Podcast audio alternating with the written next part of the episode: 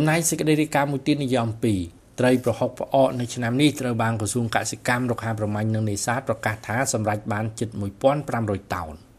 ក្រសួងកសិកម្មរុក្ខាប្រមាញ់និងនេសាទបានប្រកាសថាផលនេសាទដាយត្រីនៅរាជធានីភ្នំពេញនិងខេត្តកណ្ដាលនៅក្នុងឆ្នាំ2022ឆ្នាំ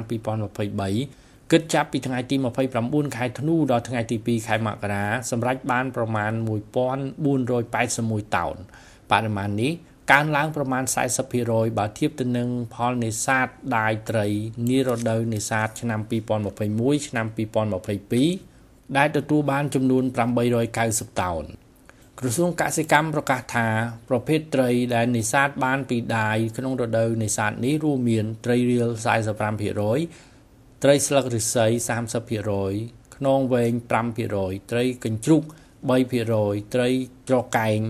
2%ត្រីជ្វៀត5%និងត្រីចម្រុះ10%ចំណែកប្រជាពលរដ្ឋដែលអញ្ជើញមកធ្វើប្រហុកផ្អកត្រីឆ្អើរនិងទឹកត្រីសម្រាប់ប្រើប្រាស់ក្នុងគ្រួសារនិងលក់បន្តមានចំនួនប្រមាណ8000នាក់ក្នុងនោះមានប្រជាពលរដ្ឋប្រមាណ90%មកពីតាមបណ្ដាខេត្តផ្សេងផ្សេងក្រសួងកសិកម្មរុក្ខាប្រមាញ់និងនេសាទបានប្រកាសថាកំណើនត្រីដែលចាប់បាននៅក្នុងកន្លងដាយនេះ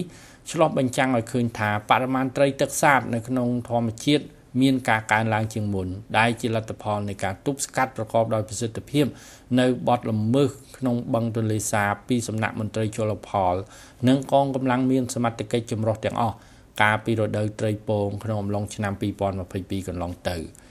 ក្រសួងកសិកម្មរុក្ខាប្រមាញ់និងនេសាទក៏បានប្រកាសដែរថានឹងបន្តរកតុល្យភាពរវាងអភិរក្សនិងអភិវឌ្ឍមិនត្រឹមតែនៅបឹងទន្លេសាបប៉ុណ្ណោះទេប៉ុន្តែនៅទន្លេមេគង្គលើផងដែរ។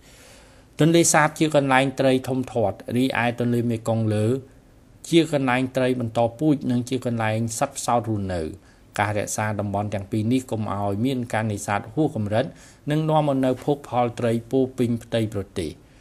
រដូវត្រីធ្វើប្រហុកផ្អននៅឆ្នាំនេះមានតម្លៃចន្លោះពី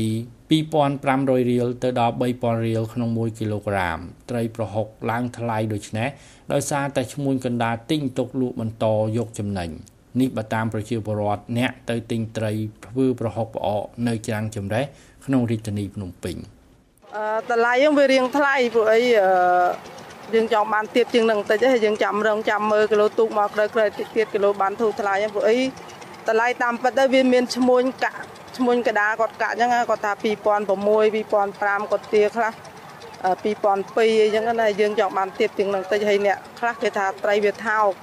អញ្ចឹងបើឲ្យយើងអាចជួបអ្នកទូកបន្ទាល់អានឹងវាបានរៀងធូរអញ្ចឹងប៉ុន្តែវាអត់ទាន់បានជួបទូអីឡើងមកអញ្ចឹងឈ្មោះងាយកៅហើយចាមកថ្ងៃហ្នឹងត្រីនៅច្រើនប៉ុន្តែវារៀងថ្លៃតែយើងរងចាំមើលតិចទៀតសិនខ្ញុំមកដើមមកធ្វើដែរនឹងព្រោះរាល់ឆ្នាំខ្ញុំទិញប្រហុកបងប្អូនអ្នកស្រុកអ្នកភូមិគាត់ធ្វើខ្លួនគាត់បន្តយើងក៏មកគាត់ធ្វើឲ្យតែឆ្នាំនេះយើងចង់ធ្វើខ្លួនយើងអញ្ចឹងវា ចង់ឲ្យកុំឲ្យមានចិត្តគីមីអីប្រហុកទិញគេអញ្ចឹងចង់ធ្វើខ្លួនឯងអញ្ចឹងប្រុងទិញ200គីឡូតែវាមិនទាន់ត្រូវប្រហុកយើងទិញទីផ្សារវាថ្លៃហើយដល់ពេលរដូវចុះត្រីចុះចឹងខ្ញុំចង់មកទិញមានឈ្មួញគាត់កាក់ត្រីអីចឹងណាហើយយើងទៅជួបមួយឈ្មួញឈ្មួញខ្លះលក់តម្លៃ2005ខ្លះទៅ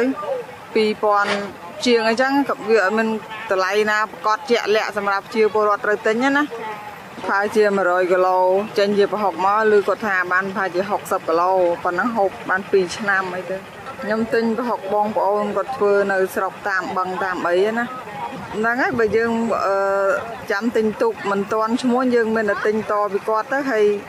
ខ្ញុំចង់បានតម្លៃមួយប្រកាសជាក់លាក់ថា2000ឬ1500អីចឹងណាឲ្យច្បាស់ចឹងទៅ ហើយដល់នេះមិនដឹងជា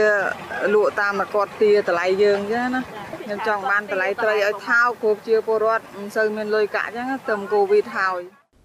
រដ្ឋបាលជលផលនៃក្រសួងកសិកម្មរុក្ខាប្រមាញ់និងនេសាទបានប្រកាសថាក្នុងរដូវនេសាទឆ្នាំ2022ឆ្នាំ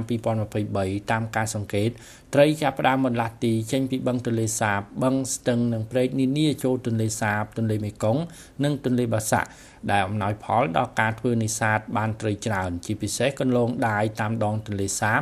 នៅក្នុងភូមិសាស្ត្រខេត្តកណ្ដាលនិងរាជធានីភ្នំពេញ ចាប់ពីថ្ងៃទី29ខែធ្នូឆ្នាំ2022ដល់ថ្ងៃទី3ខែមករាឆ្នាំ2023ក្នុងករណីមេឃស្រឡះល្អគ្មានភ្លៀងកក់ខែឬមិនទទួលរងឥទ្ធិពលព្យុះភ្លៀងជាការកត់សម្គាល់ក្នុងប៉ុន្មានឆ្នាំចុងក្រោយនេះត្រីនៅទន្លេសាប និងទន្លេមេគង្គក្នុងប្រទេសកម្ពុជា ហាក់ដូចជាស្បោយមិនសូវជាសម្បូរច្រើនប៉ុន្មាននោះទេករណីនេះត្រូវបានគេលើកឡើងថាដោយសារតែការនេសាទខុសច្បាប់ជាពិសេសនៅបឹងទន្លេសាបជាដើម។ ខ្ញុំមេងផល្លា SBS ខ្មែររាយការណ៍ពីរាជធានីភ្នំពេញ